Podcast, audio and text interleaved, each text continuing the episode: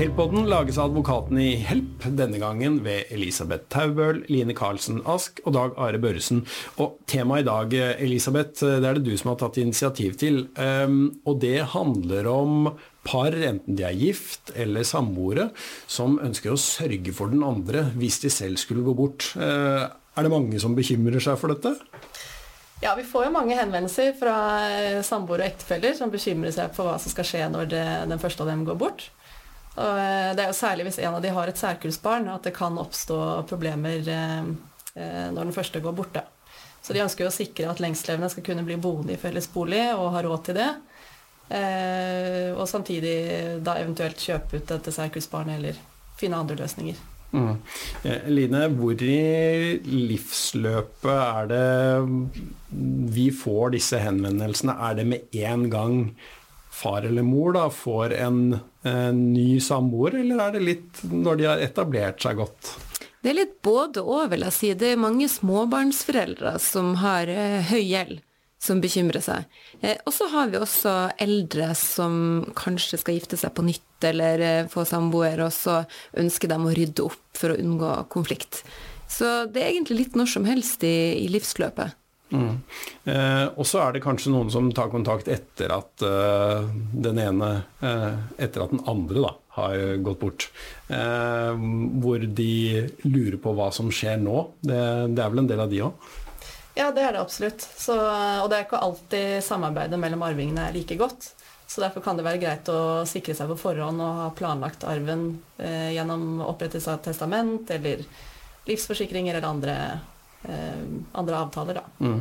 Og jeg vil jo tro, Line, at uh, um, det er jo en del som tenker at aha, nå skal jeg kontakte advokat for å unngå at det blir dårlig stemning hvis uh, en av oss går, uh, går bort.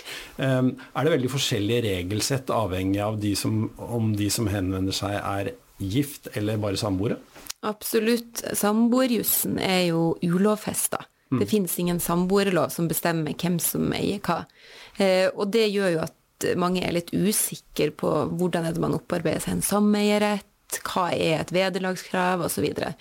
Eh, mens ekteskapsjussen er jo lovfesta i ekteskapsloven.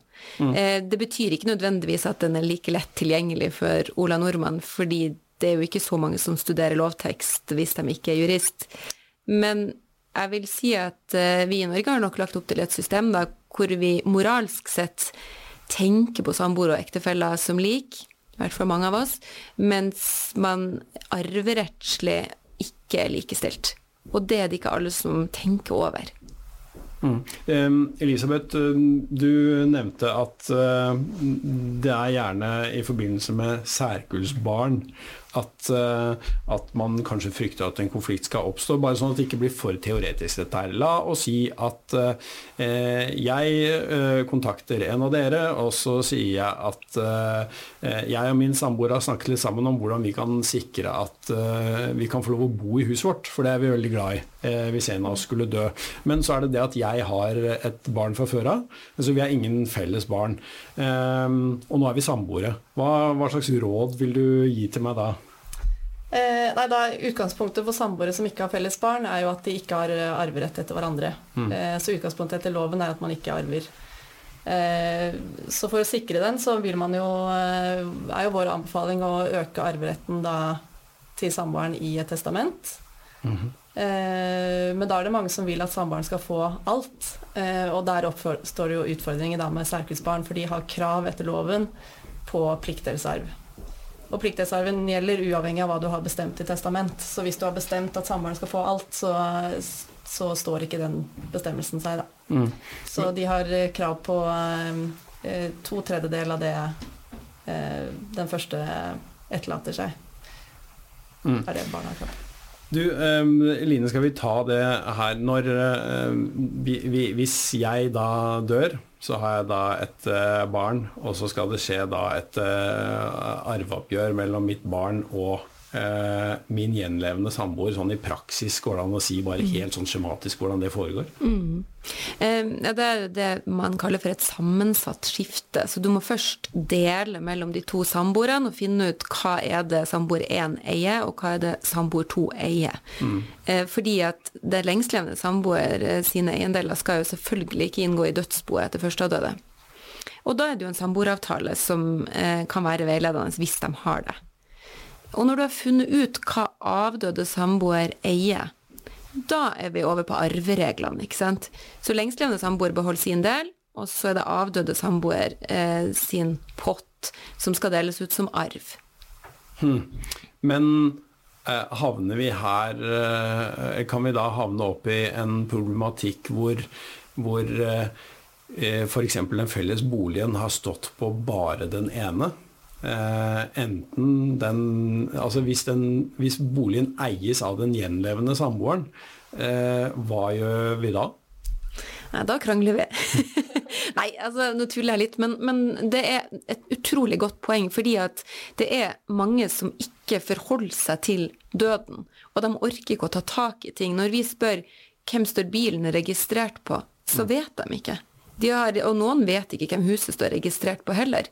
Mange står med ett navn i grunnboka, og så har de kanskje boliglånet mm. Eh, som solidarisk ansvarlig overfor banken.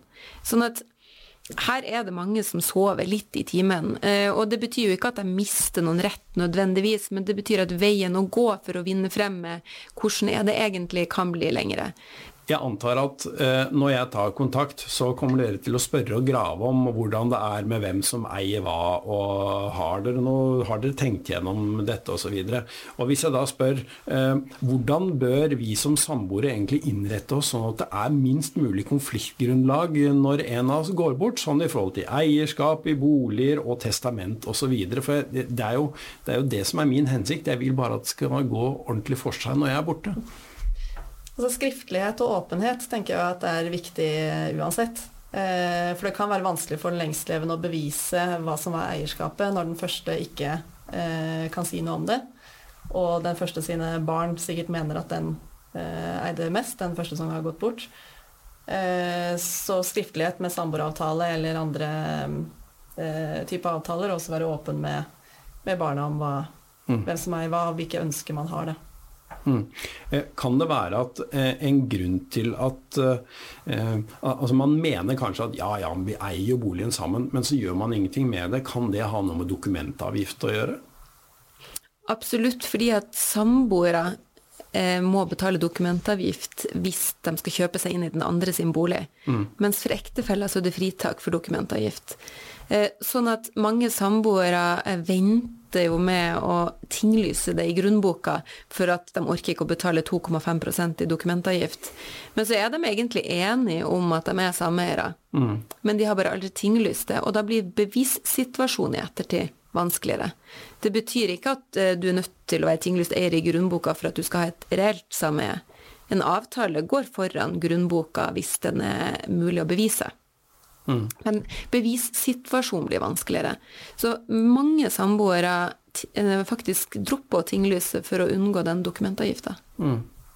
Men dere, skal vi bare runde av eh, Vi må snakke om ektefeller også, men eh, skal vi bare runde av den delen som har med samboere å gjøre, og bare gi noen tips til hvordan man skaper et mest konfliktfritt skifte? Eh, hva er det vi må huske på? Vi må skrive en samboeravtale. Mm. Og i testament så kan man eh, tilgodese hverandre med så mye som mulig. Ja. Eh, og så anbefaler vi ofte at man oppretter private livsforsikringer til hverandre, for da vil jo lengstlevende få utbetalt et beløp fra den livsforsikringen hvis man mm. har begunstiget den lengstlevende. Og da kan den bruke de pengene til å kjøpe ut særkullsbarn f.eks. og fortsatt bli boende i boligen. Men så må vi snakke litt om ektefeller. Eh, hvordan kan ektefellene sikre seg eh, best mulig i den samme situasjonen, Line? Mm. Altså, når folk ringer oss og spør hvordan kan jeg sikre min ektefelle, så tar vi jo først en gjennomgang av hva er lovens løsning. For, for veldig mange så passer jo lovens løsning. Den er jo lagd for å treffe flest mulig. Og da er reglene sånn at for ektefeller som har barn, så vil den andre ektefellen, altså lengstlevende ektefelle, arve en fjerdedel av det som utgjør arven etter avdøde. Og er det ektefeller som ikke har barn, så vil ektefellen som lever lengst, arve en halvpart. Mm, og her er det noen minstebeløp også, er det ikke det? Ja, så hvis avdøde et, som har barn, etterlater seg mindre enn 4G, som er ca. 450 000, mm. så vil jo lengstlevende ektefelle være enearving, fordi ektefellearven kan aldri være mindre enn 4G, da. Eh, og ektefeller som ikke har barn, da er minstearven 6G, med overkant av 600 000. Så arven til ektefellen, det er det aller, aller viktigste. Den, den har første prioritet? Den har første prioritet. Arv til ektefelle, også um, samboer, da. Men de har første prioritet foran barn. Mm. Um, men um, vanligvis, uh, altså med dagens boligpriser osv., antar at det er, uh, det er, en viktig grunn til at folk uh, tar kontakt, fordi at det koster mye å skulle kjøpe kjøpe ut arvinger. Det er vel det man gjerne frykter. Hvordan kan man sikre ektefellen ytterligere, da? Mm. Og da ber vi dem jo om å regne litt på det, ikke sant. Og da må man dele mellom ektefellene først de fleste har er halvpart på hver. Mm. Og så tar man da en fjerdedel, hvis de har barn, fra den andre sin halvpart, og så ser man hvor mye det blir i kroner og øre. Mm. Og hvis det er ikke nok til å kjøpe ut huset, som jo de fleste er bekymra for, så kan man i testament øke ektefellearven til en tredjedel. Men to tredjedeler av det man etterlater seg, er pliktdelsarv til barn. Og det kan man ikke rokke ved, eh, den brøken. Og så finnes det en mulighet til å begrense arven til hver livsarving til 15 G, ca. 1 670 000. Mm. Eh, og har du mye penger, så kan jo det være en mulighet for noen. Eh, og da må det begrenses i testament. Ja. Men du, eh, det er jo vi skriver jo en del ektepakter også. Mm -hmm. hva, kan, eh, hva, er egentlig hensikten med ektepakter? Det, for det kan jo også komme inn i denne sammenhengen. Ja, altså En ektepakt er jo ekteskapets samboeravtale, hvis du kan si det sånn. Ektepakten sier noe om hvem som eier hva, og hvilket formuesforhold man har, om det er en særeieverdi eller en felleseieverdi. Sånn at En ektepakt er jo veldig sånn med på å tydeliggjøre hvem som eier hva, og hvilken avtale ektefellene har seg imellom. Og mange ønsker en ektepakt både for å sikre at hytta blir i en familie, sin slekt, eller bare rydde opp og unngå konflikt. Altså, har du noe eksempel Elisabeth, på hvordan eh, ektepakten kan brukes for på en måte å styre et uh, ektefelleskifte? da? Eh, sånn at det blir kanskje mest mulig rettferdig, eller jeg vet ikke hva, hva, som, hva hensikten enn måtte være da, for den som tar kontakt. Eh, ja, Man har jo det eksempelet hvor f.eks. en av partene har et eh, særkullsbarn, og så ønsker man da å sikre den lengstlevende, eh, eller den andre parten, den som ikke har et eh, særkullsbarn, da. Mm. Eh, sånn at den lettere kan kjøpe ut eh, dette særkullsbarnet. Og da kan man jo avtale f.eks. at den skal ha særeie på enkelte eiendeler. Um, sånn at den sitter igjen med da sitt særeie, og så må den kjøpe ut særkullsbarna for et litt lavere beløp. Mm. Og det vi kaller, vi kaller, det altså særeie i livet og felleseie ved død. Mm. Da kan førsteavdøde sitt særeie bli felleseie som skal deles likt, mm. mens lengstlevende beholder sin del som særeie. For det kan man avtale. Eh, og det er jo en mulighet til å gjennom en ektepakt øke andelen som tilhører lengstlevende. Så arven etter førsteavdøde blir minst mulig hvis man lager en sånn ektepakt med særeie i livet, felles evig død. Mm. Så er det viktig å huske på at hvis du avtaler særeie, så gjelder jo det også ved en skilsmisse. Så det er greit å være litt obs på det også, at, gir, eh, at den ene har særeie på alt. Dere har begge vært inne på at uh, man ikke kan sitte i uskiftet bo med særkullsbarn. Altså hvis avdøde hadde barn, så kan man ikke sitte i uskifte uten videre med, uh, med avdødes uh, barn. men det går an å samtykke til det. Hvorfor anbefaler vi ikke det så ofte, Line? Ja, Det kommer litt an på. Man har jo mulighet både til å gi et forhåndssamtykke til urskifte før forelderen dør, mm. og man kan også på skifte velge å samtykke til urskifte. Så du har liksom den muligheten i begge ender. Mm. Eh, og det å samtykke til urskifte, det betyr jo at lengstlevende ektefelle eller lengstlevende samboer kan forvalte avdøde sin arv eh, og leve et normalt liv.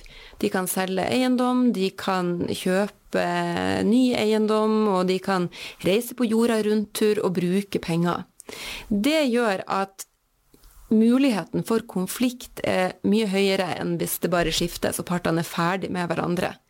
Eh, og det vi opplever av og til, det er jo at noen ringer og sier nå har min stemor som sitter i uskifte, eh, solgt huset og begynt å spille på lott hver dag, eller nå har eh, min stefar i urskiftet begynt å reise veldig mye og bruke opp alle pengene. Sant? Så det blir en sånn en usikkerhet eh, hva er det egentlig uh, lengstlevende gjør, og hvordan er det arven min forvaltes. Ja, og dette er jo tanker og innvendinger som man kan forstå. Absolutt, ikke sant. Sånn at når noen ringer oss, så eh, veldig ofte så ringer de og sier at han pappa eller mamma har spurt om jeg kan samtykke til urskifte på forhånd. Da må jo vi gå gjennom hva er det som er konsekvensen av å samtykke, og så kan vi se litt på hvilke muligheter har du til å klare å sitte uskifte uten at det blir konflikt. F.eks. så kan man jo få eh, tinglysten på huset. Man kan få en urådighetserklæring som betyr at lengstlevende i uskifte ikke kan selge huset eller belåne det uten at eh, du har samtykka. Mm. Man kan avtale et tidsbegrensa uskifte. Man kan også se på på muligheter for eh, å sitte med enkelte eiendeler, f.eks. boliger som jo de fleste er bekymra for. Redselen for å måtte bo på gata hvis du eh, blir enslig, ikke sant. Mm. Så man kan se på mange muligheter, og vårt klare utgangspunkt er at jo yngre man er når man mister partner, jo lurere er det nok å, å skifte hvis man har økonomi til det. Fordi? Fordi man oftest har høyest gjeldsbelastning i ung alder. Sånn at det er billigere å skifte når du har høy gjeldsbelastning. For når du sitter i et uskifta bo, så vil jo alt du får med lønna di og gjelda du nedbetaler altså Boet lever jo bare sitt eget liv. Mm. Sånn at uh, jo yngre du er det her er jo sånn hovedregelen. Jo yngre du er, jo smartere kan det være å velge å skifte. Og jo eldre du er, uh, jo mer kan det være fordelaktig å velge å skifte, kanskje. Mm. Men uh, Elisabeth, kan det være da at uh, Dette kan, er det jo ikke sikkert at alle uh, tenker over. Kan det være at det er en del som føler at de må si ja til Må samtykke til uskifte? Det er nok mange som kan føle seg presset til det av foreldrene sine. Mm. Til å samtykke til uskifte, og som kanskje heller ikke vet helt hva det innebærer. Mm. og hvis man gir et sånn forhåndssamtykke da, mens foreldrene lever, til uskifte, så er jo det i utgangspunktet ugjenkallelig. Så det er bindende. Så da kan ikke du ombestemme deg to år etterpå. Eh, og det er ikke sikkert at alle er klar over eh, når de signerer på en sånn forhåndssamtykke til uskiftebo. Skal vi bare si at det var en liten innføring i hvordan eh, ektefeller og samboere kan eh, tilgodese hverandre, som det heter. Altså sørge for hverandre best mulig, da. Hvis den eh, ene skulle gå bort. Hvis du vil vite mer om muligheter og begrensninger når du sitter i uskifte, så har vi en egen episode om det også i Helps podkast, Helppodden. Så da kan du jo søke opp den der du finner podkastene dine. Takk for at du hørte på.